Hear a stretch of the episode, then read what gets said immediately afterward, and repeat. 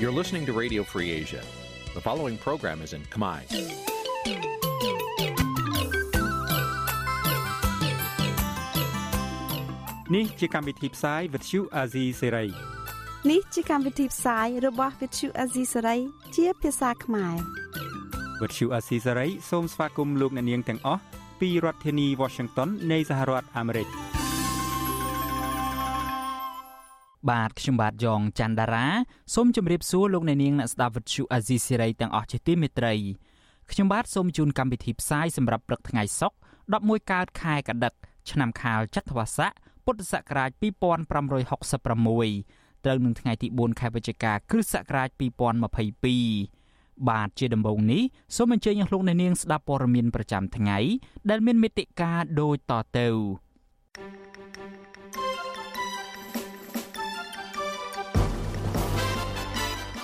លោកសំរងស៊ីថាប៉ូលីសអន្តរជាតិនឹងមិនចាប់ខ្លួនលោកតាមសំណើរបស់ក្រសួងយុតិធធកម្ពុជាទេតុលាការគ្មានភស្តុតាងច្បាស់លាស់ដើម្បីចោទប្រកាន់លើសកម្មជនបកប្រឆាំង39នាក់របាយការណ៍ថ្មីមួយបង្ហាញថាយុវជនកម្ពុជា មិនសូវចាប់អារម្មណ៍នឹងរឿងនយោបាយសហគមន៍ខេត្តព្រះវិហារ តវ៉ាប្រឆាំងក្រុមហ៊ុនឯកជនមួយ ដែលឈូសព្រៃការពារអស់ជាង100ហិកតា រួមនឹងព័ត៌មានសំខាន់សំខាន់មួយចំនួនទៀត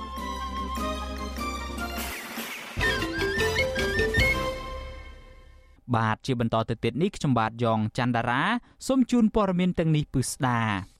លោកសំរងស៊ីប្រធានស្ដីទីគណៈបកសង្គ្រោះជាតិអស់សំណើចទៅនឹងក្រសួងយុតិធធកម្ពុជា ដែលស្នើឲ្យប៉ូលីសអន្តរជាតិអង្គតាប៉ូលចេញនិវេតក្រហមតាមចាប់ខ្លួនលោក លោកសំរងស៊ីអះអាងថា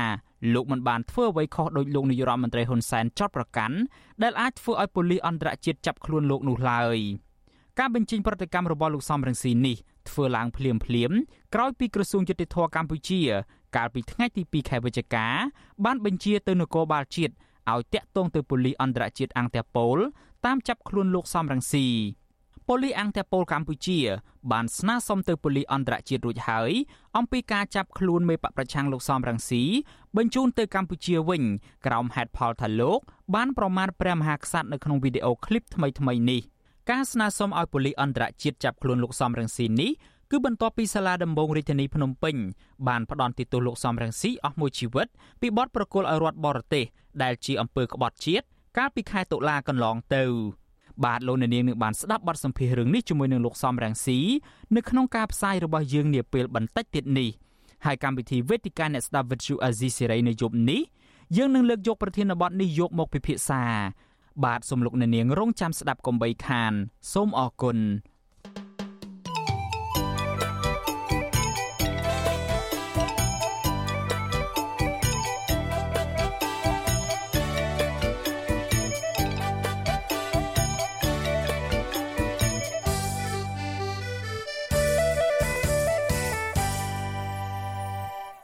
បាទលោកអ្នកនាងជាទីមេត្រីពាក់ព័ន្ធទៅនឹងរឿងក្តីក្តាំប្រឆាំងទៅនឹងសកម្មជនគណៈបកសង្គ្រោះជាតិវិញតុលាការក្រុងភ្នំពេញកាលពីថ្ងៃទី3ខែវិច្ឆិកាម្សិលមិញនេះបានបន្តសវនាការលើសំណុំរឿងថ្នាក់ដឹកនាំនិងសកម្មជនគណៈបកសង្គ្រោះជាតិចំនួន39នាក់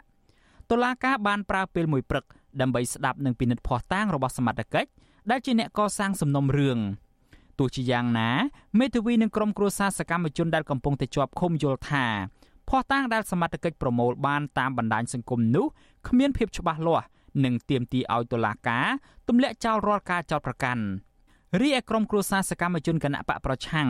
ដែលគេស្គាល់ថាជាក្រុមស្ត្រីថ្ងៃសុកនោះក៏ស្វែងរកកិច្ចអន្តរាគមន៍ពីប្រទេសជាសមាជិកអាស៊ានឲ្យជួយដោះលែងអ្នកទោសនយោបាយដែរបាទលោកថាថៃរាយការណ៍ពឹស្ដារអំពីរឿងនេះ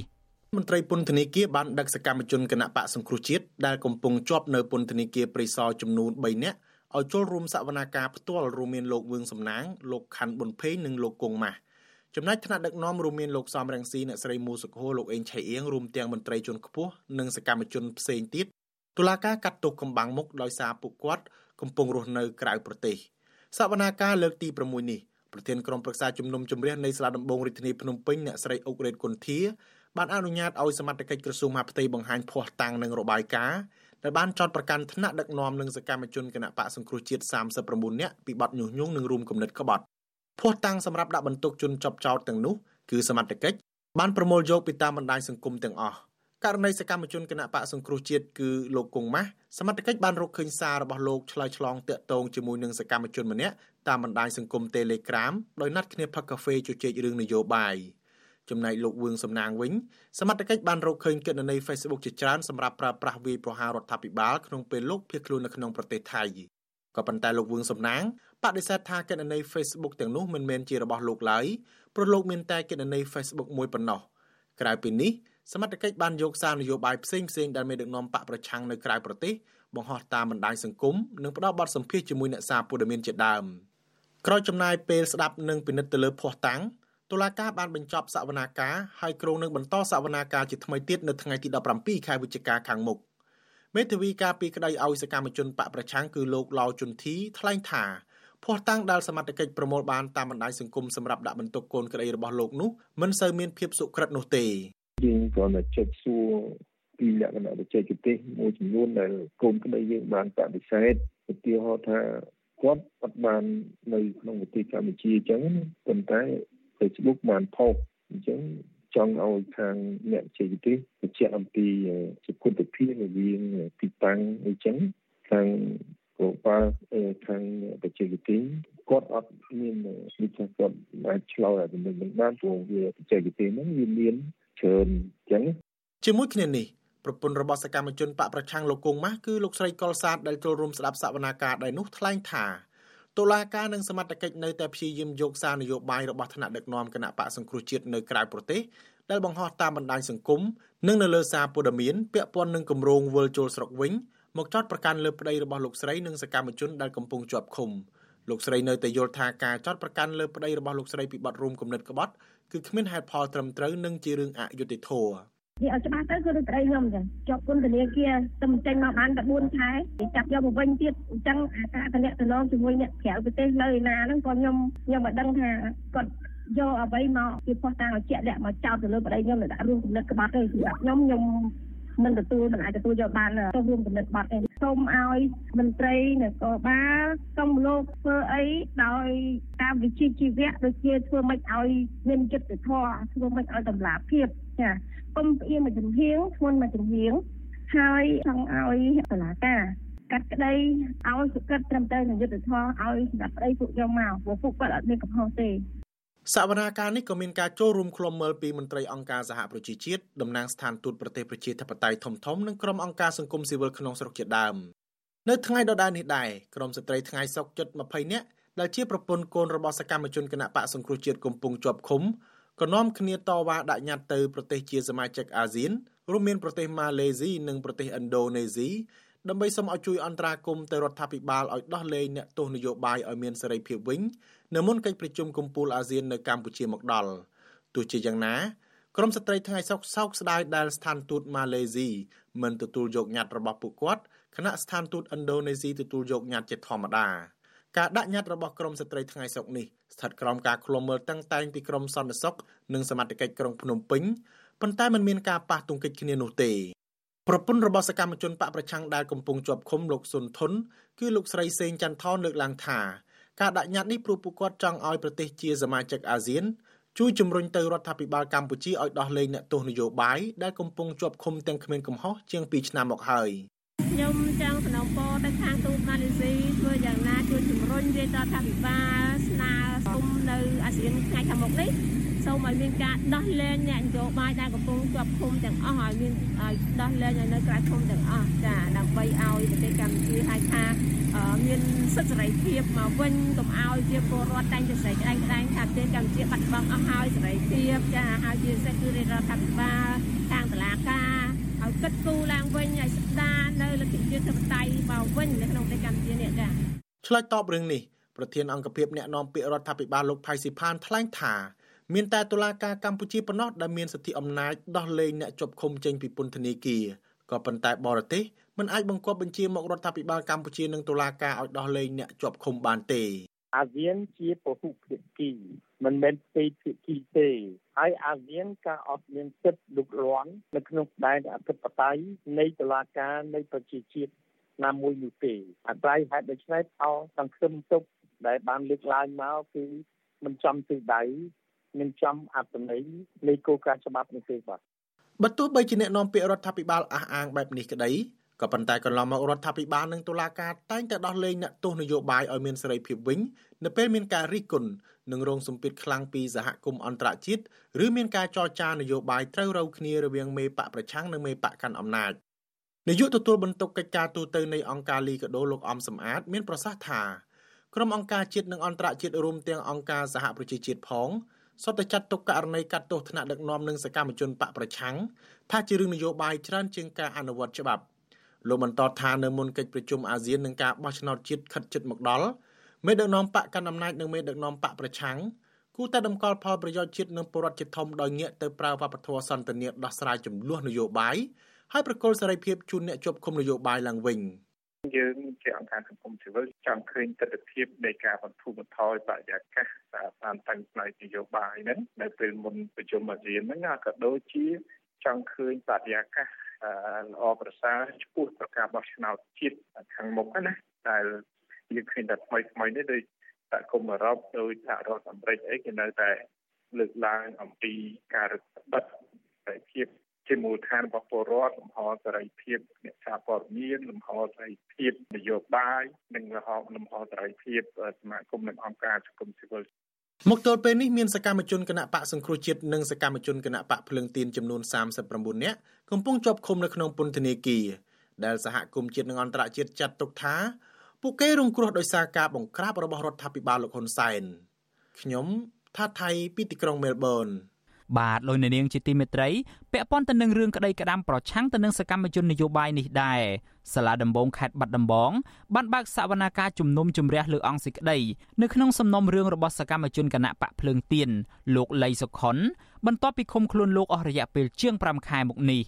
មន្ត្រីអង្គការសង្គមស៊ីវិលនៅតែទទូចស្នើឲ្យតុលាការទម្លាក់ចោលបទចោទប្រកាន់លើសកម្មជនបកប្រឆាំងរូបនេះដោយយោងទៅតាមអង្គហេតុនិងនីតិវិធីតាមផ្លូវច្បាប់ ជៀសវាងការពាក់ព័ន្ធជាមួយនឹងផ្លូវនយោបាយ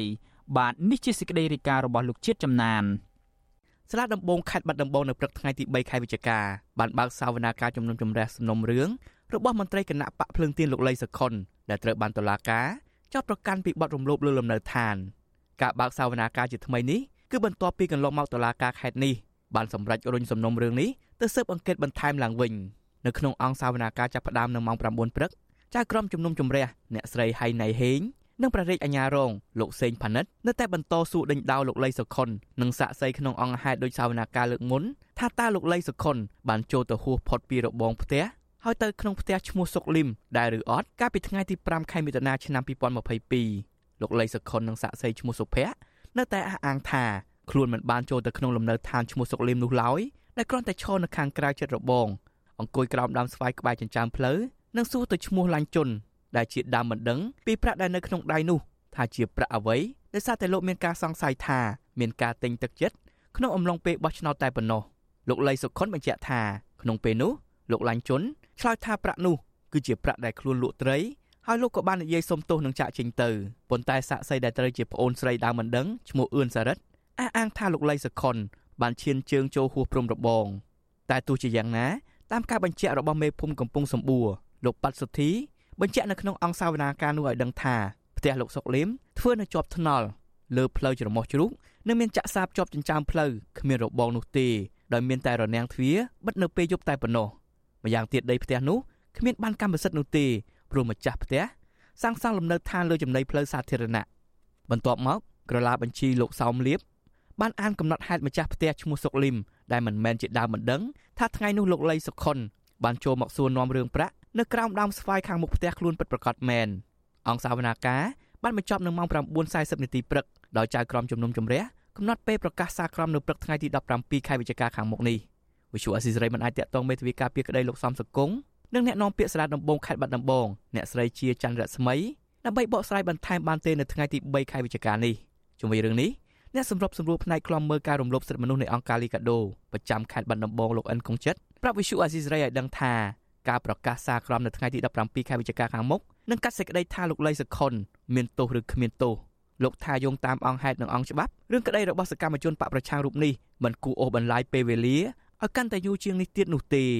ជាពិសេសលោកស្នើអង្គជំនុំជម្រះកាត់ក្តីរឿងនេះដោយឈរលើគោលការណ៍យុត្តិធម៌និងដំណាភាពជៀសវាងមានចេតនាសងសឹកក្នុងផ្លូវនយោបាយ។ យើងស្នើសុំឲ្យតឡាការសាលាដំបងខេត្តបាត់ដំបងលោកស្រីចក្រមជំនុំជម្រះគាត់គួរតែទម្លាក់បទចោតប្រកាន់ឲ្យគាត់រួចផុតពីបទចោតដោយសារគាត់មិនបានប្រព្រឹត្តបទល្មើសចូលទៅក្នុងលំនៅឋានគេដោយប្រើការគំរាមកំហែងដោយប្រើកលល្បិចបាទដោយប្រើហិង្សាទៅលើចាស់លំនៅឋានណាកាលពីថ្ងៃទី24ខែសីហាចៅក្រមជំនុំជម្រះនៃសាលាដំបងខេត្តបាត់ដំបងអ្នកស្រីហៃណៃហេង បានសម្រេចបញ្ជូនសំណុំរឿងលោកលីសុខុនដែលបានជំនុំជម្រះរួចរាល់ម្ដងហើយនោះទៅស៊ើបសួរបន្ថែមទៀតឡើងវិញក្រុមហេតុផលថាភាពចាំបាច់ត្រូវសាវជ្រាវថ្មីដោយសារតែម្ចាស់លំនៅឋានឈ្មោះសុកលីមមិនបានចូលរួមសវនកម្មកាលពីថ្ងៃទី11ខែសីហាព្រោះទៅធ្វើការជាពលករនៅប្រទេសថៃតែទោះជាយ៉ាងណាមន្ត្រីសិទ្ធិមនុស្សយល់ថាសេចក្តីសម្រេចរបស់តុលាការគ្មានភាពយុត្តិធម៌និងគ្រាន់តែរកវិធីឃុំខ្លួនលោកលីសុខុនឲ្យរងទុក្ខក្នុងពន្ធនាគាររយៈពេលយូរតែប៉ុណ្ណោះគិតមកត្រឹមពេលនេះ លោកលីសុខុនត្រូវបានតុលាការឃុំខ្លួនមកដល់អាសន្នអស់រយៈពេល75ខែមកហើយលោកត្រូវបានអាជ្ញាធរចាប់ខ្លួននៅថ្ងៃទី8ខែមិថុនាក្រោមបទចោទរំលោភលើលំនៅឋានបន្ទាប់ពីលោកថតវីដេអូក្រុមមន្ត្រីបកកាន់អំណាចអង្គុយកត់ឈ្មោះពលរដ្ឋនៅថ្ងៃបោះឆ្នោតក្រុមប្រឹក្សាគុំសង្កាត់នៅក្នុងភូមិកំពង់សម្បួរស្រុកឯកភ្នំប៉ុន្តែដើមបណ្ដឹងដែលប្តឹងលោកលីសុខុនមិនមែនជាម្ចាស់ផ្ទះនោះឡើយនឹងបានដកពាក្យបណ្ដឹងវិញកាលពីថ្ងៃទី9ខែមិថុនារឿងក្តីក្តាំរបស់សកម្មជនបកប្រឆាំងសកម្មជនបរិស្ថាន និងអ្នកតស៊ូមតិដែលបានទទួលរងបណ្ដឹងការចោទប្រកាន់ផ្សេងផ្សេងតាមផ្លូវតុលាការបានធ្វើឲ្យអង្គការសង្គមស៊ីវិលនិងអ្នកខ្លំមើលការរំលោភសិទ្ធិមនុស្សជាតិនិងអន្តរជាតិមើលឃើញថាប្រព័ន្ធយុតិធម៌នៅកម្ពុជាមានស្តង់ដារ2និងស្ថិតក្រោមឥទ្ធិពលរបស់អ្នកនយោបាយខ្ញុំបាទជាចំណាន Visual Assisray ប្រធានាទី Washington បាទលោកនាងជាទីមេត្រីពាក់ព័ន្ធទៅនឹងរឿងតុលាការនេះដែរ សហភាពសហជីពកម្ពុជាខកចិត្តនិងសោកស្ដាយជាខ្លាំងដែលតុលាការក្រុងភ្នំពេញមិនអនុញ្ញាតឲ្យលោករងឈុនប្រធានសហភាពសហជីពកម្ពុជា បានទៅចូលរួមសមាជលើកទី5របស់សហភាពសហជីពអន្តរជាតិ ITUC ដែលគ្រងនឹងប្រព្រឹត្តទៅ ចាប់ពីថ្ងៃទី17ដល់ថ្ងៃទី22វិច្ឆិកា នៅប្រទេសអូស្ត្រាលីសហភាពសហជីពកម្ពុជាគូបញ្ជាក់នៅក្នុងសេចក្តីថ្លែងការណ៍កាលពីថ្ងៃទី3ខែវិច្ឆិកាថា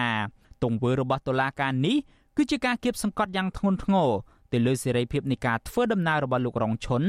និងជាការមិនផ្ដល់តម្លៃដល់សហភាពសហជីពអន្តរជាតិដែលមានសមាជិកជាង300លាននាក់នៅទូទាំងពិភពលោកបាទនេះគឺជាលើកទី2ហើយដែលតុលាការក្រុងភ្នំពេញបានបដិសេធសំណើសុំចេញទៅក្រៅប្រទេសរបស់លោករងឈុនបើទោះបីជាមានលិខិតអញ្ជើញពីស្ថាប័នអន្តរជាតិនិងលិខិតធានាអះអាងវិលចូលស្រុកវិញពីសំណាក់មេធាវីរបស់លោករងឈុនយ៉ាងណាក្តី តុលាការមិនដែលបានបញ្ជាក់មូលហេតុច្បាស់លាស់ចំពោះការបដិសេធទាំងនេះឡើយប្រធានសហភាពសហជីពកម្ពុជាលោករងឈុនត្រូវបានតុលាការក្រុងភ្នំពេញផ្ដន្ទាទោសដាក់ពន្ធនាគាររយៈពេល2ឆ្នាំពីបទញុះញង់ឲ្យប្រព្រឹត្តអំពើ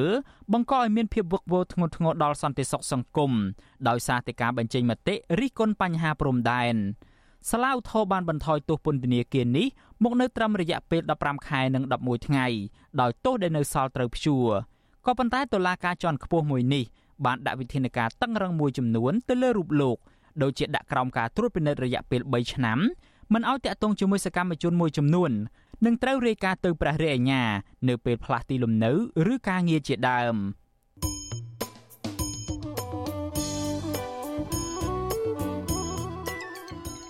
លោកអ្នកនាងជាទីមេត្រី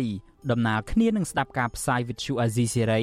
នៅតាមបណ្ដាញសង្គម Facebook និង YouTube លោកអ្នកនាងក៏អាចស្ដាប់កម្មវិធីផ្សាយរបស់យើង តាមរយៈរលក ធាតុអាកាសខ្លីឬ Shortwave តាមកម្រិតនិងកម្ពស់ដូចតទៅនេះពេលព្រឹកចាប់ពីម៉ោង5កន្លះដល់ម៉ោង6កន្លះតាមរយៈរលកធាតុអាកាសខ្លី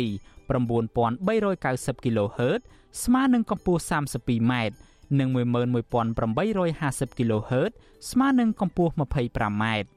ពេលយប់ចាប់ពីម៉ោង7កន្លះដល់ម៉ោង8កន្លះតាមរយៈរលកធាតុអាកាសខ្លី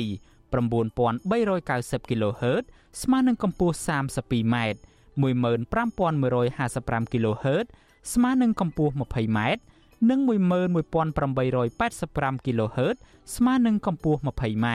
បាទសូមអរគុណ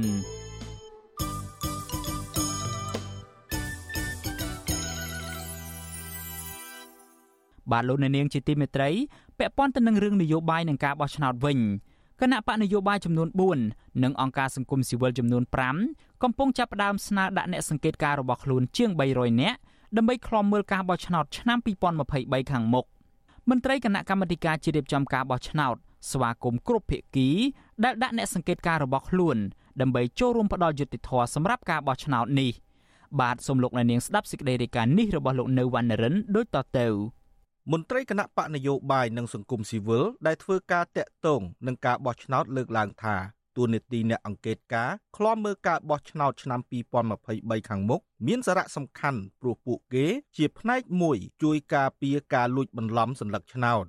អ្នកនាំពាក្យគណៈកម្មាធិការជាតិរៀបចំការបោះឆ្នោតលោកហងពុទ្ធាឲ្យវិទ្យុអាស៊ីសេរីដឹងការពីថ្ងៃទី3ខែវិច្ឆិកាថាគណៈបកនយោបាយចំនួន4 ដែលស្នើដាក់អង្កេតការនោះរួមមានគណៈបកប្រជាជនកម្ពុជាគណៈបកភ្លើងទៀនគណៈបកផ្នែករូបរួមជាតិនិងគណៈបកនយោបាយថ្មីមួយទៀតហើយក៏មានអង្គការសង្គមស៊ីវិលដែលធ្វើការតាក់ទងនឹងការបោះឆ្នោតចំនួន5ស្ថាប័នផ្សេងទៀតដែរ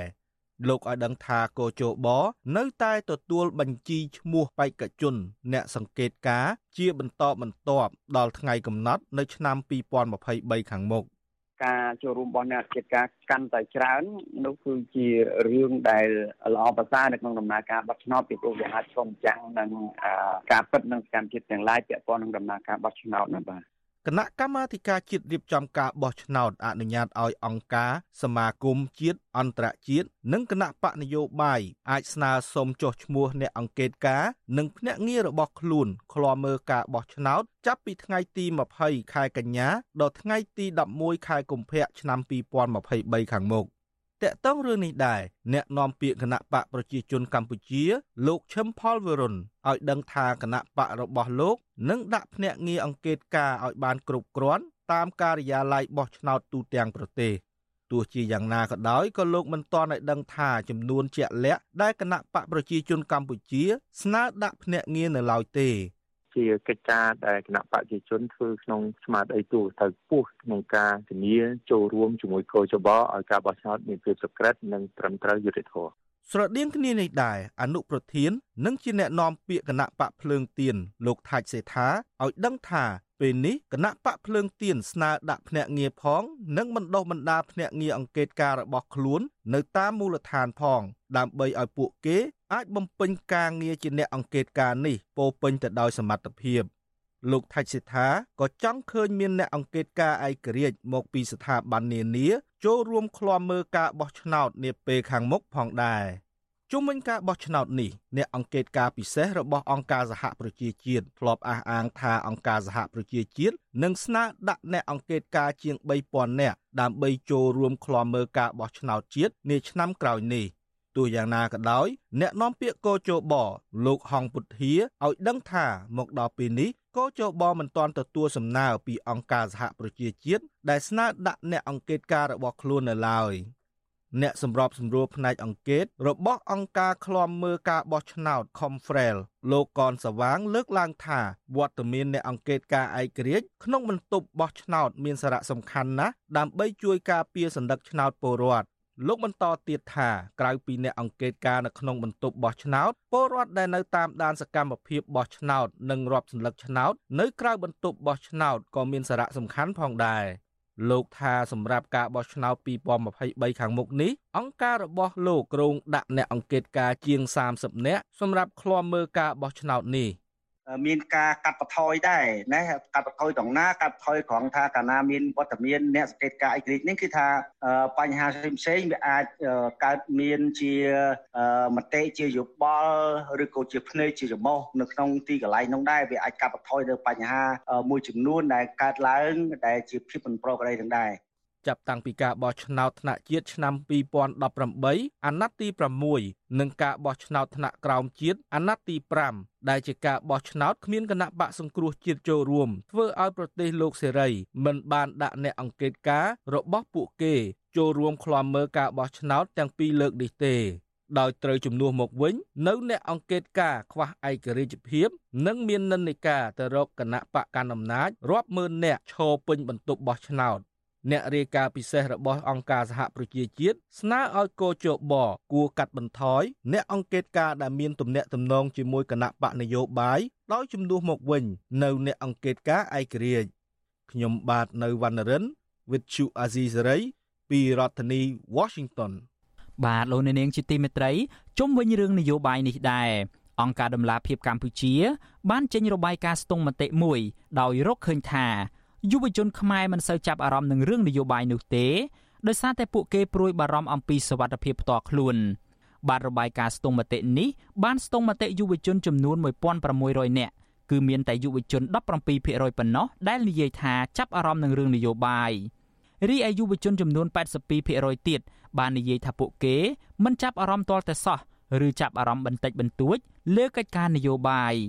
របាយការណ៍នេះបានស្ទង់មតិយុវជន ដែលមានអាយុចន្លោះពី15ឆ្នាំទៅ30ឆ្នាំ នៅភូមិចំនួន200នៅទូទាំងប្រទេសចាប់ពីខែវិច្ឆិកាដល់ខែធ្នូឆ្នាំ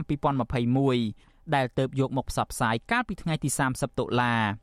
របាយការណ៍ស្ទង់មតិរបស់អង្គការដំឡាភិបកម្ពុជានេះបានផ្ដល់អនុសាសន៍មួយចំនួនដល់រដ្ឋាភិបាលដើម្បីឲ្យយុវជនសកម្មនៅក្នុងរឿងប្រទេសជាតិឬរឿងនយោបាយ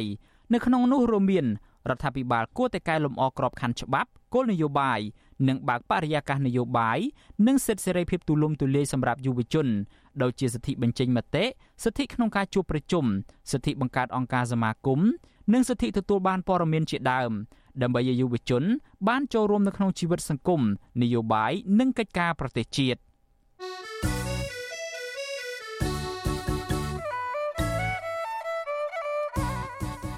លោកអ្នកនាងកញ្ញាជាទីមេត្រីក្រៅពីការតាមដានកម្មវិធីផ្សាយរបស់ Vuthu Azizi Siri តាមបណ្ដាញសង្គម Facebook YouTube Telegram លោកអ្នកនាងក៏អាចតាមដានកម្មវិធីផ្សាយរបស់យើងតាមរយៈបណ្ដាញសង្គម Instagram របស់ Azizi Siri បានដែរតាមរយៈតំណ link www.instagram.com/rfa ខ្មែរ អាស៊ីសេរីបន្តខិតខំផ្សព្វផ្សាយព័ត៌មានពិតទៅកាន់បងប្អូនតាមរយៈបណ្ដាញសង្គមផ្សេងៗនិងសម្បូរបែបដើម្បីឲ្យលោកអ្នកនាងងាយស្រួលតាមដានកម្មវិធីផ្សាយរបស់យើងគ្រប់ពេលវេលា និងគ្រប់ទីកន្លែងតាមរយៈទូរស័ព្ទរបស់លោកអ្នកបាទសូមអរគុណ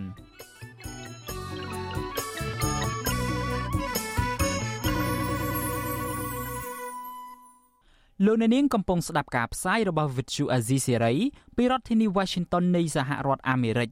នៅមុនកិច្ចប្រជុំអាស៊ានចូលមកដល់ប្រជាពលរដ្ឋមានបញ្ហាដីធ្លីនិងប្រពន្ធសកម្មជនគណៈបកប្រឆាំងដែលកំពុងជាប់ឃុំបានចាប់ផ្ដើមនាំគ្នាទៅសុំអន្តរាគមន៍ពីមេដឹកនាំក្រុមប្រទេសចូលរួមកិច្ចប្រជុំអាស៊ាននិងកិច្ចប្រជុំពាក់ព័ន្ធឲ្យជំរុញទៅមេដឹកនាំកម្ពុជាជាប្រធានបដូវវេនអាស៊ានដោះស្រាយបញ្ហារបស់ពួកគេ បាទលោកទីនហ្សាការីយ៉ារាយការណ៍ព័ត៌មាននេះ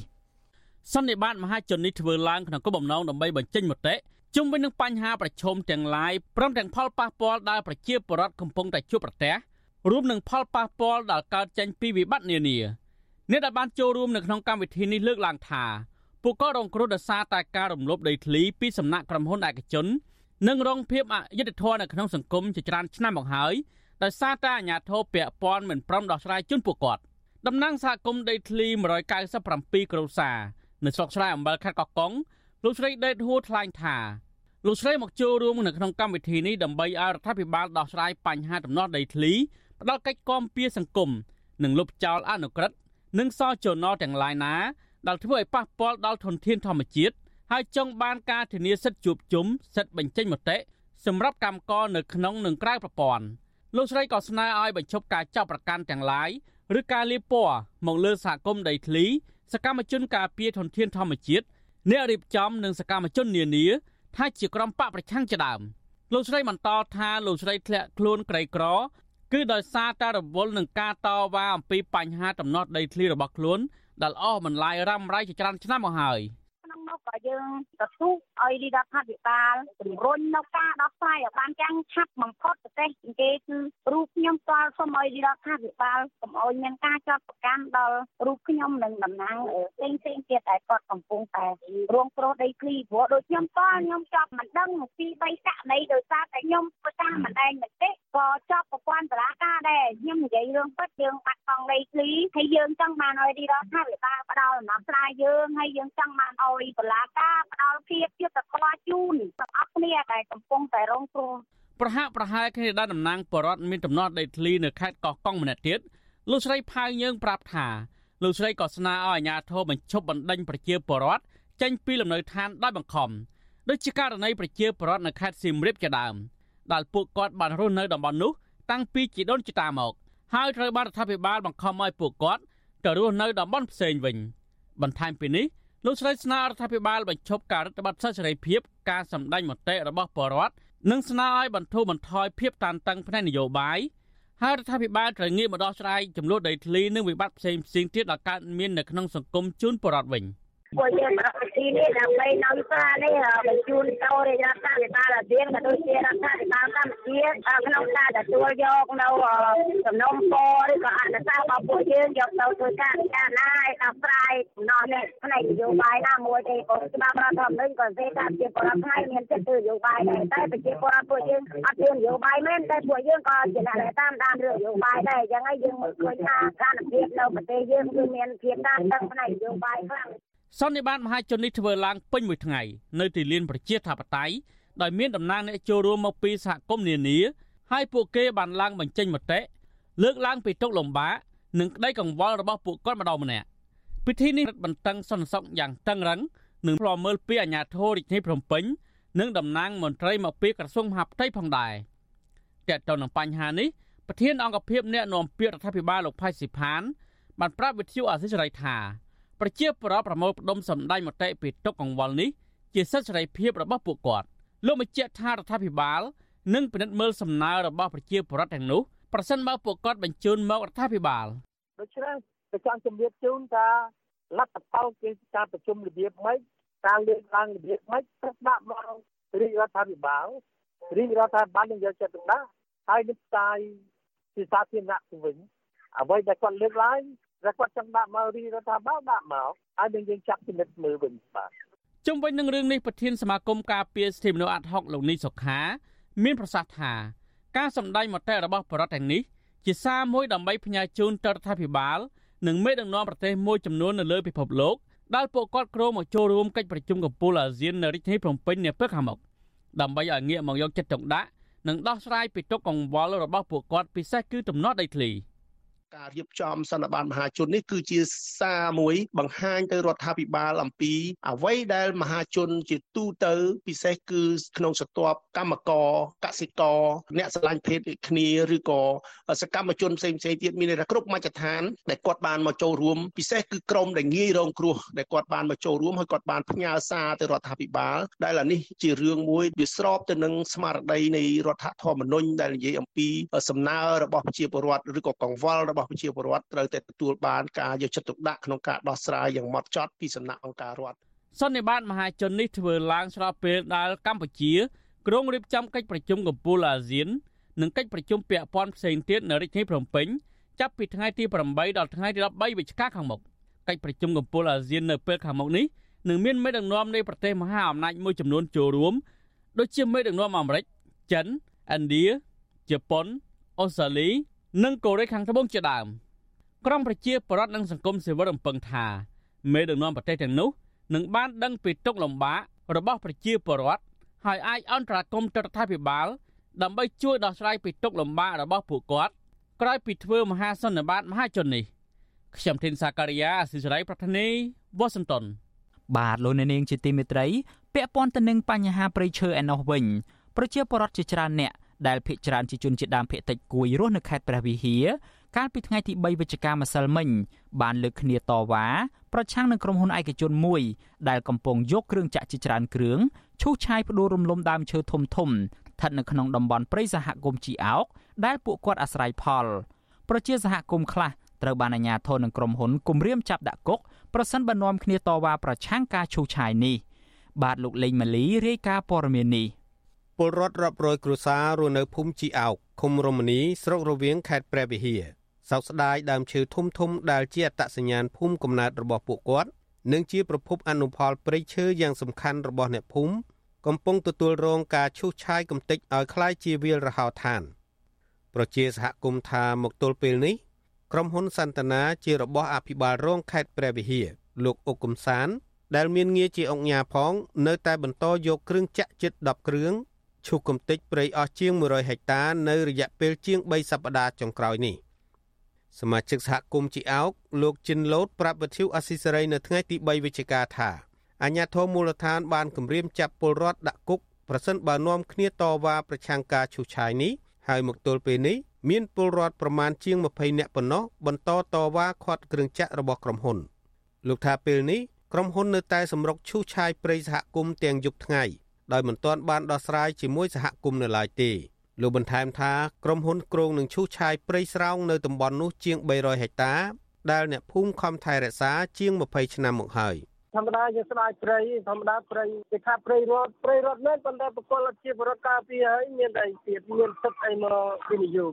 ប្រជាពលរដ្ឋមិនព្រមផងខ្ញុំចង់ទៅតបានគេដែរបើនៅសម័យសងៃបងខ្ញុំខ្លាចហ្នឹងបើចេញទៅចេញមួយចុចឈ្មោះមួយសិទ្ធិអ្នកនំអ្នកប្រឆាំងអីណាណាសមាជិកសហគមន៍ជីអោកម្នាក់ទៀតថ្លែងសុំមិនបញ្ចេញឈ្មោះព្រោះបារម្ភពីសុវត្ថិភាពឲ្យដឹងថាគ្រឿងចាក់9គ្រឿងកំពុងឈូសព្រៃនៅ4ទីតាំងផ្សេងគ្នាហើយតំបន់ដែលក្រុមហ៊ុនឈូសឆាយជាកន្លែងសត្វព្រៃរស់នៅ មានដើមឈើធំធំដែលពលរដ្ឋអាស្រ័យផលដោយការរកផ្សិត បោចវល្លិដងជ័ររកឃ្មុំ និងបេះបន្លែផ្លែឈើជាដើមលោកថាប្រជាសហគមន៍បែកបាក់សាមគ្គីផ្ទៃក្នុងនិងខ្លះទៀតបានផ្តិតមេដាយគាំទ្រឲ្យក្រុមហ៊ុនឈូឆាយតាមសំណើរបស់អាជ្ញាធរលោកបន្ថែមថាមន្ត្រីបរិស្ថាន បានផ្ដល់ឱកាសឲ្យពលរដ្ឋណាមានរណាយន្តអាចចូលអាឈើក្នុងព្រៃនេះបានដោយសេរី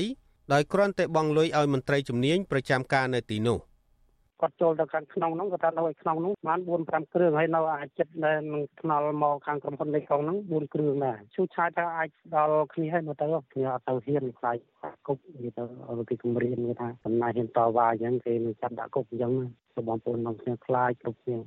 វិទ្យុអស៊ីសេរីមិនអាចតាក់ទងសុំការបំភ្លឺជុំវិញសកម្មភាពឈូសឆាយនេះពីអ្នកនាំពាក្យសាលាខេត្តព្រះវិហារលោកយងកំហឿងបាននៅឡើយទេនៅថ្ងៃទី3វិច្ឆិកា ដោយសារទូរស័ព្ទហៅចូលតែគ្មានអ្នកលើកចំណែកប្រធានមន្ទីរបរិស្ថានខេត្តព្រះវិហារលោកសុងច័ន្ទសុជាតិបដិសេធការបំភ្លឺរឿងនេះតាមទូរស័ព្ទប្រជាសហគមន៍បន្ថែមថាពួកគាត់ខកបំណងដែលធ្លាប់ស្រមៃថានឹងទុកព្រៃអភិរក្សសល់ចុងក្រោយនៅតំបន់នោះបំរើវិស័យទេសចរធម្មជាតិមិនចេះរីងស្ងួតព្រោះព្រៃនេះមានសក្តានុពលធនធានធម្មជាតិសម្បូរបែប ផ្ដល់ប្រយោជន៍ច្រើនដល់អ្នកភូមិនៅគៀកភូមិជីអោកដែលជនជាតិដើមភាគតិចគួយជាច្រើនគ្រួសារប្រឹងប្រែងអភិរក្សជាង2ទសវត្សរ៍មកហើយរីឯមន្ត្រីបរិស្ថាននិងអាជ្ញាធរខេត្តព្រះវិហារមិនអើពើដល់រាល់ការអំពាវនាវរបស់ពលរដ្ឋនោះឡើយផ្ទុយទៅវិញពួកគាត់ចូលដៃចូលជើងជាមួយក្រុមហ៊ុនឈូសកំទេចព្រៃវិទ្យុអស៊ីសេរីមិនអាចតាក់ទងសុំការបំភ្លឺរឿងនេះពីម្ចាស់ក្រុមហ៊ុនសន្តានាគឺអភិបាលរងខេត្តព្រះវិហារ អុកញ៉ាអុកកំសានបាននៅឡើយទេ នៅថ្ងៃទី3វិច្ឆិកាដោយសារទូរស័ព្ទហៅចូលតែគ្មានអ្នកលើក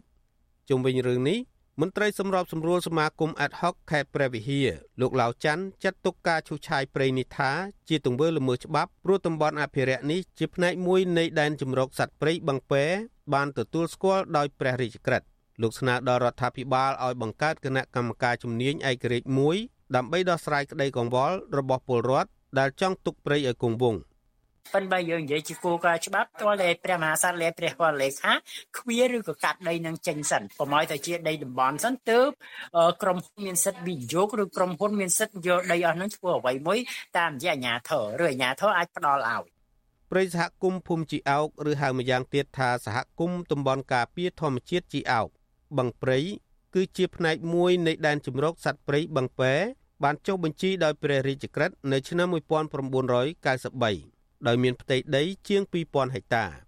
ព្រៃសហគមន៍នេះបានចុះបញ្ជីទទួលស្គាល់ដោយក្រសួងបរិស្ថានកាលពីឆ្នាំ2003ស្ថិតក្នុងភូមិជីអោកឃុំរមនីស្រុករវៀងខេត្តព្រះវិហារអ្នកភូមិថាសកម្មភាពឈូសឆាយព្រៃអភិរក្សនេះកំពុងបំផ្លាញជំរកសត្វព្រៃរួមមានសត្វទន្សោងស្វា ខ្ទីងប្រើកង្កោក និងជ្រូកព្រៃជាដើម។ ព្រៃអភិរក្សនេះមានដើមឈើកម្រជិតផុតពូជ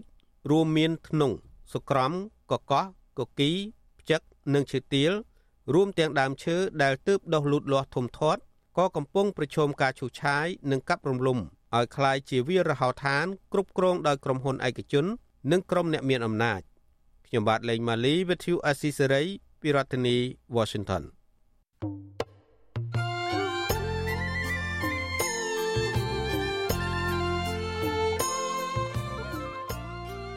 លោកអ្នកនាងជាទីមេត្រី នៅក្នុងឱកាសនេះដែរខ្ញុំបាទសូមថ្លែងអំណរគុណដល់លោកអ្នកនាងកញ្ញាទាំងអស់ដែលតែងតែមានភក្ដីភាពចំពោះការផ្សាយរបស់យើងហើយចាត់ទុកការស្ដាប់វិទ្យុអាស៊ីសេរីជាផ្នែកមួយនៃសកម្មភាពប្រចាំថ្ងៃរបស់លោកអ្នកនាងគឺការគ្រប់គ្រងរបស់លោកអ្នកនាងនេះហើយដែលធ្វើឲ្យយើងខ្ញុំមានទឹកចិត្តកាន់តែខ្លាំងថែមទៀតនៅក្នុងការស្វែងរកនិងផ្តល់ព័ត៌មានជូនលោកអ្នកនាង មានអ្នកស្ដាប់អ្នកទស្សនាកាន់តែច្រើន កាន់តែធ្វើឲ្យយើងខ្ញុំមានភាពស្វាហាប់មោះមុតជាបន្តទៅទៀតយើងខ្ញុំសូមអរគុណទុកជាមុនហើយសូមអញ្ជើញលោកអ្នកនាងកញ្ញាចូលរួមជំរុញឲ្យសកម្មភាពផ្តល់ព័ត៌មានរបស់យើងនេះឲ្យកាន់តែជោគជ័យបន្ថែមទៀតលោកអ្នកនាងអាចជួយយើងខ្ញុំបានដោយគ្រាន់តែចុចចែករំលែកឬ Share ការផ្សាយរបស់យើងនៅលើបណ្ដាញសង្គម Facebook និង YouTube ទៅកាន់មិត្តភ័ក្តិដើម្បីឲ្យការផ្សាយរបស់យើងបានទៅដល់មនុស្សកាន់តែច្រើន បាទសូមអរគុណ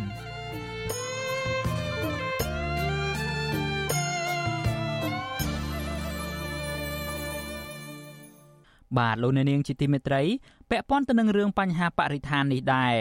សកម្មជនចលនាមេដាធម្មជាតិនៅតែបន្តសកម្មភាពតស៊ូមតិដើម្បីដាក់កោះកុងក្រៅទៅជាឧទ្យានសមុទ្រដើម្បីអភិរក្សកោះដែលធំជាងគេរបស់កម្ពុជាមួយនេះឲ្យក្លាយជាតំបន់អេកូទេសចរតាមបែបធម្មជាតិវិញ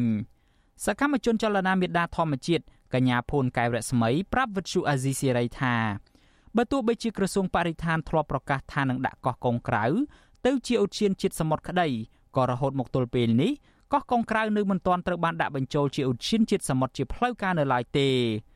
កញ្ញាបន្ថែមថាចលនាមេដាធម្មជាតិក្រុងដឹកនាំយុវជនចំនួន17នាក់ចុះទៅទស្សនកិច្ចសិក្សានៅលើកោះនេះនិងបន្តយុទ្ធនាការទៀមទីឲ្យដាក់កោះកុងក្រៅទៅជាឧទ្យានជាតិសមុទ្រឲ្យបានឆាប់ដើម្បីប្រែក្លាយកោះមួយនេះទៅជាតំបន់ទេសចរតាមបែបធម្មជាតិ។ ខ្ញុំសូមអំពាវនាវទៅដល់បងប្អូនខ្មែរទាំងក្នុងស្រុកនិងក្រៅស្រុកចូលរួមជួយបរិច្ចាគជាថវិកាមកកាន់យុទ្ធនាការនៃការសង្គ្រោះកោះកុងក្រៅរបស់ពួកយើងព្រោះថាកោះកុងក្រៅគឺជាធនធានជាសម្បត្តិជាតិសម្រាប់បងប្អូនប្រជាពលរដ្ឋខ្មែរទាំងអស់គ្នាហើយបើសិនជាកោះកុងក្រៅត្រូវរក្សាបានដល់បងប្អូនកូនខ្មែរជំនាន់ក្រោយទៀតវាគឺជាប្រយោជន៍របស់ពួកយើងទាំងមូលជាមុខមាត់របស់ប្រទេសកម្ពុជាដែលមានកោះស្អាតឆ្នេរស្អាតគ្មានការប្រហូរទឹកស្អុយហើយក៏ដូចជាមានធនធានដែលកម្រកោះកុងក្រៅ គឺជាកោះធំជាងគេបង្អស់របស់កម្ពុជា ដែលមានទីតាំងស្ថិតនៅក្នុងឃុំជ្រោយប្រោះស្រុកកោះកុងខេត្តកោះកុងនិងមានចម្ងាយប្រមាណ30គីឡូម៉ែត្រពីក្រុងខេមរភូមិន្ទកោះនេះគ្របដណ្ដប់ទៅដោយព្រៃឈើក្រាស់ខ្មឹកអមដោយទឹកជ្រោះជាច្រើនកន្លែង មានជីវៈចម្រុះជាច្រើនប្រភេទជាពិសេសកោះនេះមានឆ្នេរខ្សាច់សក្បុសនិងទឹកសមុទ្រពណ៌ខៀវស្រងាត់ក្រុមយុវជនដែលធ្លាប់បានទៅដល់ទីនោះបញ្ជាក់ថាមូលហេតុដែលកោះកុងក្រៅ អាចរក្សាលក្ខណៈធម្មជាតិរបស់ខ្លួនបានគឺដោយសារតែមិនមានមនុស្សរស់នៅ និងមិនមានការអភិវឌ្ឍពីក្រុមហ៊ុនឯកជនពួកគាត់ចង់ឃើញកោះនេះក្លាយជាឧទ្យានជាតិសមុទ្រដើម្បីផលប្រយោជន៍រួមរបស់ជាតិតាមរយៈការបម្រើវិស័យទេសចរដល់ភ្ញៀវជាតិនិងអន្តរជាតិលោកអ្នកនាងជាទីមេត្រីវិទ្យុអាស៊ីសេរីសូមជូនដំណឹងថាយើងគ្មានអ្នកយកព័ត៌មានប្រចាំនៅប្រទេសកម្ពុជាទេ ប្រសិនបើមានជនណាម្នាក់អះអាងថាជាអ្នកយកព័ត៌មានឲ្យវិទ្យុអាស៊ីសេរីនៅកម្ពុជានោះគឺជាការក្លែងបន្លំយកឈ្មោះអាស៊ីសេរីទៅប្រើនៅក្នុងគោលបំណងទុច្ចរិតណាមួយរបស់បុគ្គលនោះតែប៉ុណ្ណោះបាទសូមអរគុណ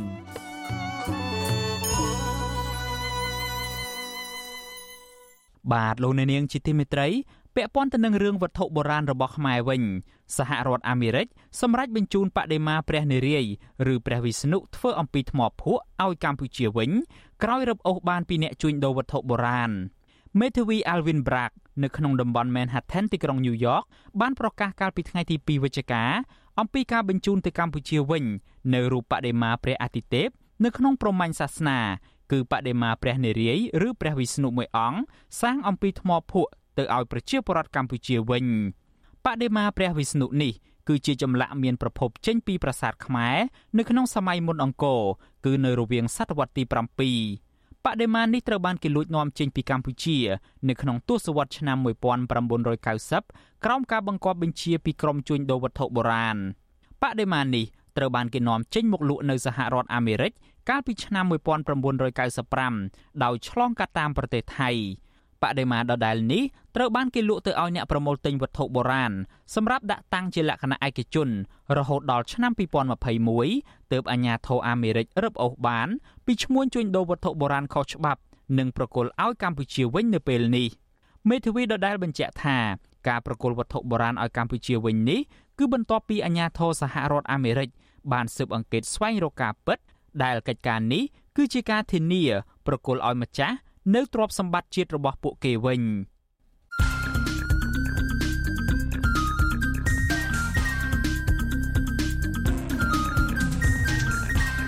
បទសំភារ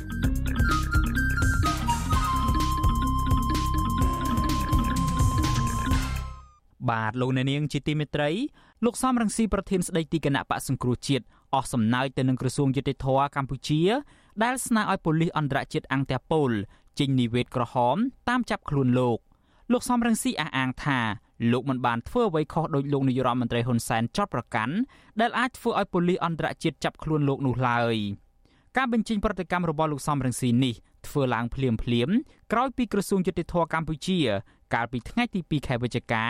បានបញ្ជាទៅនគរបាលជាតិឲ្យតាក់ទងទៅប៉ូលីសអន្តរជាតិអង្គតាប៉ូលតាមចាប់ខ្លួនលោកសំរងស៊ី ប៉ូលីសអង្គតាប៉ូលកម្ពុជា បានស្នើសុំទៅប៉ូលីសអន្តរជាតិរួចហើយអំពីការចាប់ខ្លួនមេបកប្រឆាំងលោកសំរងស៊ីបញ្ជូនទៅកម្ពុជាវិញ ក្រោមហេតុផលថាលោក បានប្រមាថព្រះមហាក្សត្រនៅក្នុងវីដេអូឃ្លីបថ្មីៗនេះការស្នើសុំឲ្យប៉ូលីសអន្តរជាតិចាប់ខ្លួនលោកសំរងស៊ីនេះគឺបន្ទាប់ពីសាលាដំបងរាជធានីភ្នំពេញបានផ្ដន់ទោសលោកសំរងស៊ីអស់មួយជីវិតពីបទប្រកុលឲ្យរដ្ឋបរទេសដែលជាអំពើក្បត់ជាតិកាលពីខែតុលាកន្លងទៅ បាទសំលោកអ្នកនាងស្ដាប់បទសម្ភាសន៍របស់លោកទីនហ្សាការីយ៉ាជាមួយលោកសំរងស៊ីអំពីបញ្ហានេះដូចតទៅអាដាមខាងក្រសួងយុទ្ធភ័ពបានបញ្ជាទៅឲ្យប៉ូលីសអង្គតេប៉ូលនឹងហើយទៅអគ្គស្នងការរដ្ឋាភិបាលបាលជាតិដែលខាងប៉ូលីសអង្គតេប៉ូលកម្ពុជានឹងបានតាក់ទងទៅខាងប៉ូលីសអង្គតេប៉ូលអន្តរជាតិដើម្បីតាមចាប់ខ្លួននិងក៏នាំខ្លួនឲ្យដំទៅកម្ពុជាវិញតើ ការដែលបញ្ជារបស់ក្រសួងយុទ្ធភ័ពបែបនេះឲ្យដំមានប្រកម្មបែបដែរបាទប្រតិកម្មរបស់ខ្ញុំគឺអស់សំណើចគ្មាននរណាគេធ្វើតាមសំណើអាញាធរហ៊ុនសែនទេហើយហ៊ុនសែនគាត់ធ្វើនឹងដើម្បីពង្រៀងដានគាត់ដឹងថាប៉ូលីសអ៊ីនតាប៉ូលចង់ចាប់គាត់មែនទែនរឿងអំពើភេរវកម្មតើទៅរឿងធុនធុនឃាតកម្មភេរវកម្ម ដែលលោកហ៊ុនសែនលោកហ៊ីងប៊ុនហៀងលោកហ៊ុយពិសិដ្ឋពាក់ព័ន្ធនឹងតឡាការបារាំងចេញដីកាឲ្យចាប់ជនអូក្រិតហើយតឡាការបារាំងបានស្នើឲ្យអ៊ីនធើប៉ូលចាប់ជនអូក្រិតនឹងគេសហការគ្នា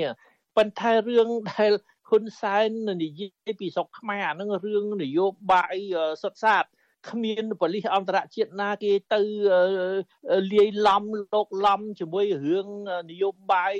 ដូចនៅស្រុកខ្មែរនិយាយបាយលុកបាយឡឯង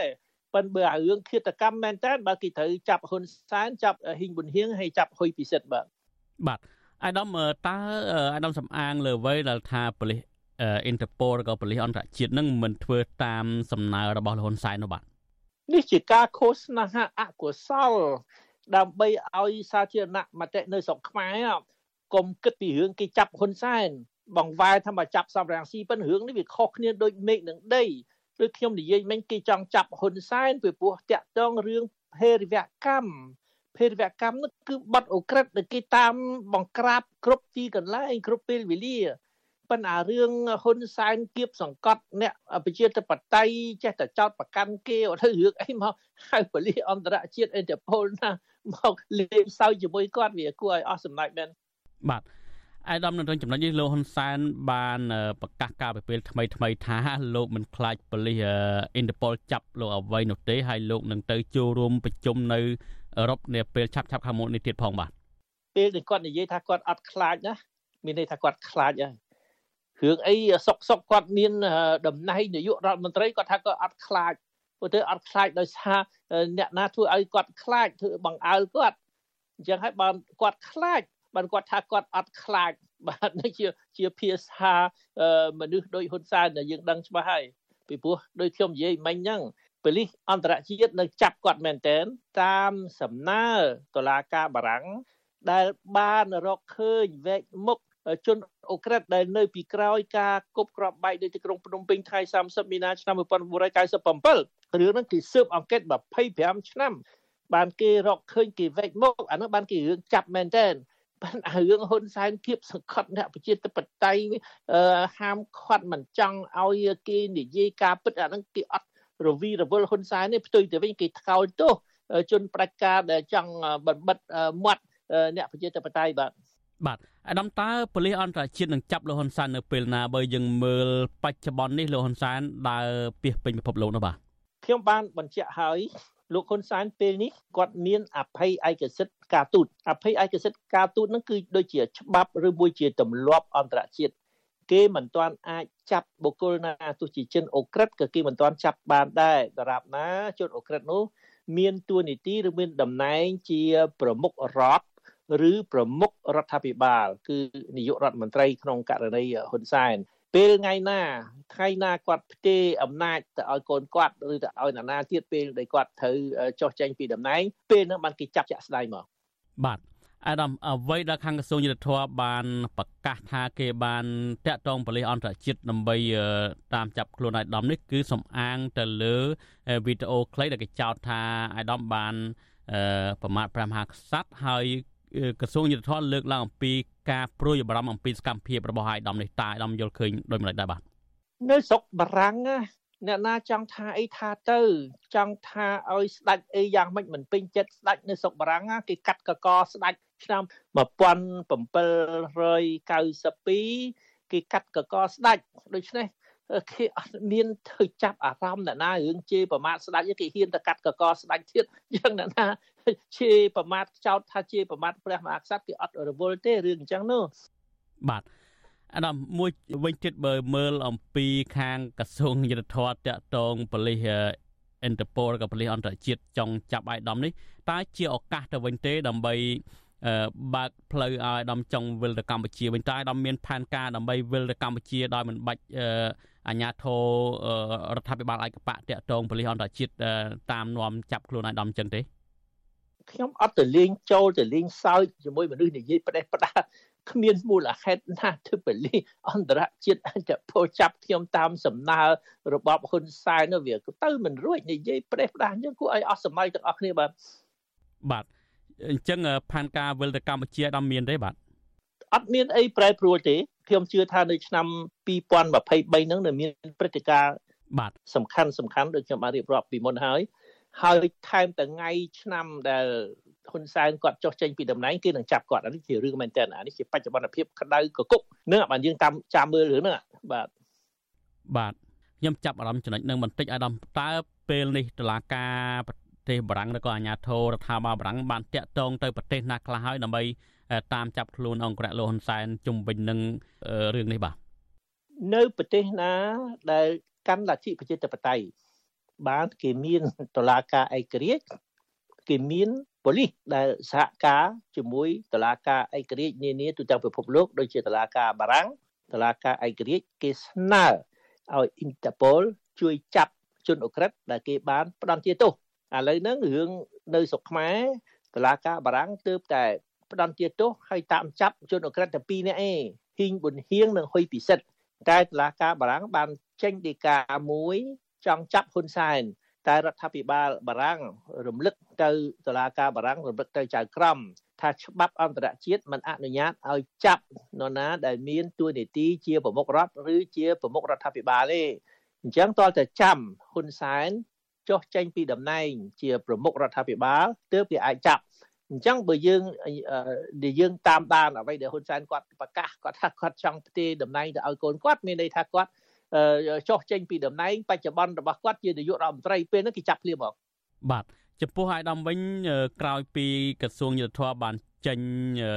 ព័ត៌មានបែបនេះតើអាយដាមនៅតែមានផែនការដើរពីពេញពិភពលោកដដែលទេទៅប្រទេសអាស៊ីអាស៊ានឬក៏ប្រទេសអឺរ៉ុបឬក៏អាមេរិកជាដើមអញ្ចឹងទេឬក៏យ៉ាងណាបាទខ្ញុំអត់រវល់ថតតែសោះ ថារឿងអីគេប្រកាសពីភ្នំពេញក្រសួងយុតិធម៌ស្នើឲ្យអ៊ីនតាប៉ូលចង់ចាប់ខ្ញុំនៅរឿងនេះវាអស់សំណើចអារឿងហ្នឹងរឿងគេប្រឌិតសុតសាតដើម្បីគេចង់បង្វែរដាន បង្វែរដានពីគីប៉ូលីសអន្តរជាតិនឹងចាប់ហ៊ីមុនហៀងនឹងចាប់ហ៊ុយពិសិដ្ឋពេលគាត់មកដល់ប្រទេសប្រជាធិបតេយ្យណាមួយហើយនឹងចាប់ហ៊ុនសែនពេលហ៊ុនសែនចោះចេញពីតំណែងហើយមកដល់ប្រទេសប្រជាធិបតេយ្យណាមួយរឿងនេះជារឿងពិតដែលយើងចាប់ចាប់អារម្មណ៍គួរយកចិត្តទុកដាក់ ប៉ុន្តែអារឿងស្អីក្រសួងយុតិធម៌ពីស្រុកខ្មែរអីរឿងចង់ឲ្យវាស្នើឲ្យប៉ូលីសអិនតាប៉ុលចង់ចាប់ខ្ញុំឯងអារឿងហ្នឹងរឿងអស់សំណើចមែនតើណាយើងមិនគួរចំណាយពេលយកមកអត្ថាធិប្បាយរឿងប្រទេសផ្ដាស់អញ្ចឹងឯងបាទបាទអរគុណច្រើនណាស់ដំសំរងស៊ីបាទអរគុណជំរាបលាបាទលោកអ្នកនាងទើបតែបានស្ដាប់បទសម្ភាសន៍របស់លោកទីនហ្សាការីយ៉ានិងលោកសំរងស៊ីប្រធានស្ដីទីគណៈបកសង្គ្រោះជាតិប្រតិកម្មទៅនឹងក្រសួងយុតិធធកម្ពុជា ដែលស្នើសុំឲ្យប៉ូលីសអន្តរជាតិអង្គតាប៉ូលចាប់ខ្លួនលោកបញ្ជូនទៅកម្ពុជាវិញបាទពាក់ព័ន្ធទៅនឹងបញ្ហានេះដែរនៅយប់ថ្ងៃសុក្រនេះលោកសំរងស៊ីនឹងឡើងមកធ្វើជាវាគ្មិនកិត្តិយសនៅក្នុងនេតិវេទិកាអ្នកស្ដាប់វិទ្យុអាស៊ីសេរីដែលនឹងជជែកថាតើលោកមានហេតុផលអ្វីខ្លះទៀតដែលលោកអះអាងថាប៉ូលីសអន្តរជាតិអង្គតាប៉ូលនឹងមិនចាប់ខ្លួនលោកតាមការស្នើសុំរបស់ក្រសួងយុតិធធកម្ពុជានោះ។ បាទប្រសិនបើលោកអ្នកនាងមានសំណួរចង់សាកសួរវាគ្មិនរបស់យើងឬមួយក៏ចង់បញ្ចេញមតិយោបល់សូមលោកអ្នកនាងដាក់លេខទូរស័ព្ទរបស់លោកអ្នកនាងនៅក្នុងខ្ទង់ comment Facebook និង YouTube របស់ Vithu Azizi Serai បាទក្រុមការងាររបស់យើងនឹងហៅទៅលោកអ្នកនាងវិញ បាទសូមអរគុណ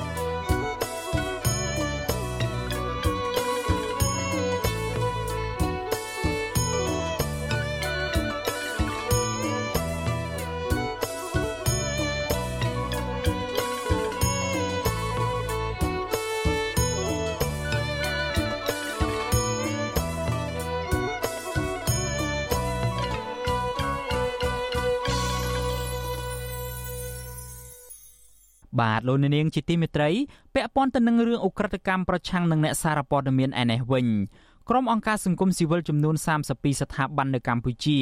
អំពាវនាវដល់រដ្ឋាភិបាលឲ្យចាត់វិធានការជាបន្ទាន់ដើម្បីធានាសវត្ថិភាពអ្នកសារព័ត៌មាន និងបញ្ចប់អំពើនីតិរដ្ឋភាពលើអ ுக ្រិតកម្មប្រឆាំងអ្នកសារព័ត៌មានចាប់តាំងពីឆ្នាំ1994មកយ៉ាងហោចណាស់មានអ្នកសារព័ត៌មានចំនួន15នាក់ត្រូវបានគេសម្លាប់ នៅក្នុងនោះមានចំនួន12នាក់រាយការណ៍ពីបញ្ហារសើបនៅពេលពួកគេត្រូវបានសម្លាប់ក៏ប៉ុន្តែគ្មានជនល្មើសណាម្នាក់ត្រូវបានគេយកមកផ្ដន់ទោសតាមច្បាប់នៅឡើយទេអ្នកសារព័ត៌មានកម្ពុជា និងបរទេសនៅឆ្នាំ2022នេះទទួលរងនៅអំពើហិង្សា ការយាយីនិងការបំផិតបំភ័យពីសំណាក់អាជ្ញាធរខណៈពួកគេរាយការណ៍ពីការធ្វើកោតកម្មរបស់ក្រុមកម្មករក្រុមហ៊ុន Casino NagaWorld និងចោះទៅយកព័ត៌មាននៅភ្នំតាម៉ៅជាដើម។ ទង្វើរបស់សមាជិកទាំងនេះគឺជាការធ្វើទុកបុកម្នេញទៅលើអ្នកសារព័ត៌មានដែលនាំឲ្យប៉ះពាល់ដល់សេរីភាពនៃការបញ្ចេញមតិនិងគំរាមកំហែងដល់ការទទួលបានព័ត៌មានរបស់សាធារណជនស្ថិតិរបស់សមាគមសម្ព័ន្ធអ្នកសារព័ត៌មានកម្ពុជាហៅកាត់ថាកម្ពុជាបង្ហាញថាអ្នកសារព័ត៌មានចំនួន57នាក់ត្រូវបានគេយាយីនិងគំរាមកំហែងចាប់តាំងពីខែមករាដល់ខែតុលាឆ្នាំ2022 ក្រុមអង្គការសង្គមស៊ីវិលនិងសមាគមទាំង32ស្ថាប័ននេះថ្កោលទោសអំពើនីតិរដ្ឋភាពនៃអ ுக ្រិតកម្មប្រឆាំងអ្នកសារព័ត៌មានហើយអាជ្ញាធរត្រូវទៅស៊ើបអង្កេតស្វែងរកជនល្មើសយកមកផ្ដន្ទាទោសតាមផ្លូវច្បាប់ព្រមទាំងធានាថាអ្នកសារព័ត៌មានអាចប្រើប្រាស់សិទ្ធិសេរីភាពបញ្ចេញមតិនិងសារព័ត៌មានដើម្បីបម្រើសាធារណជនដោយគ្មានការភ័យខ្លាច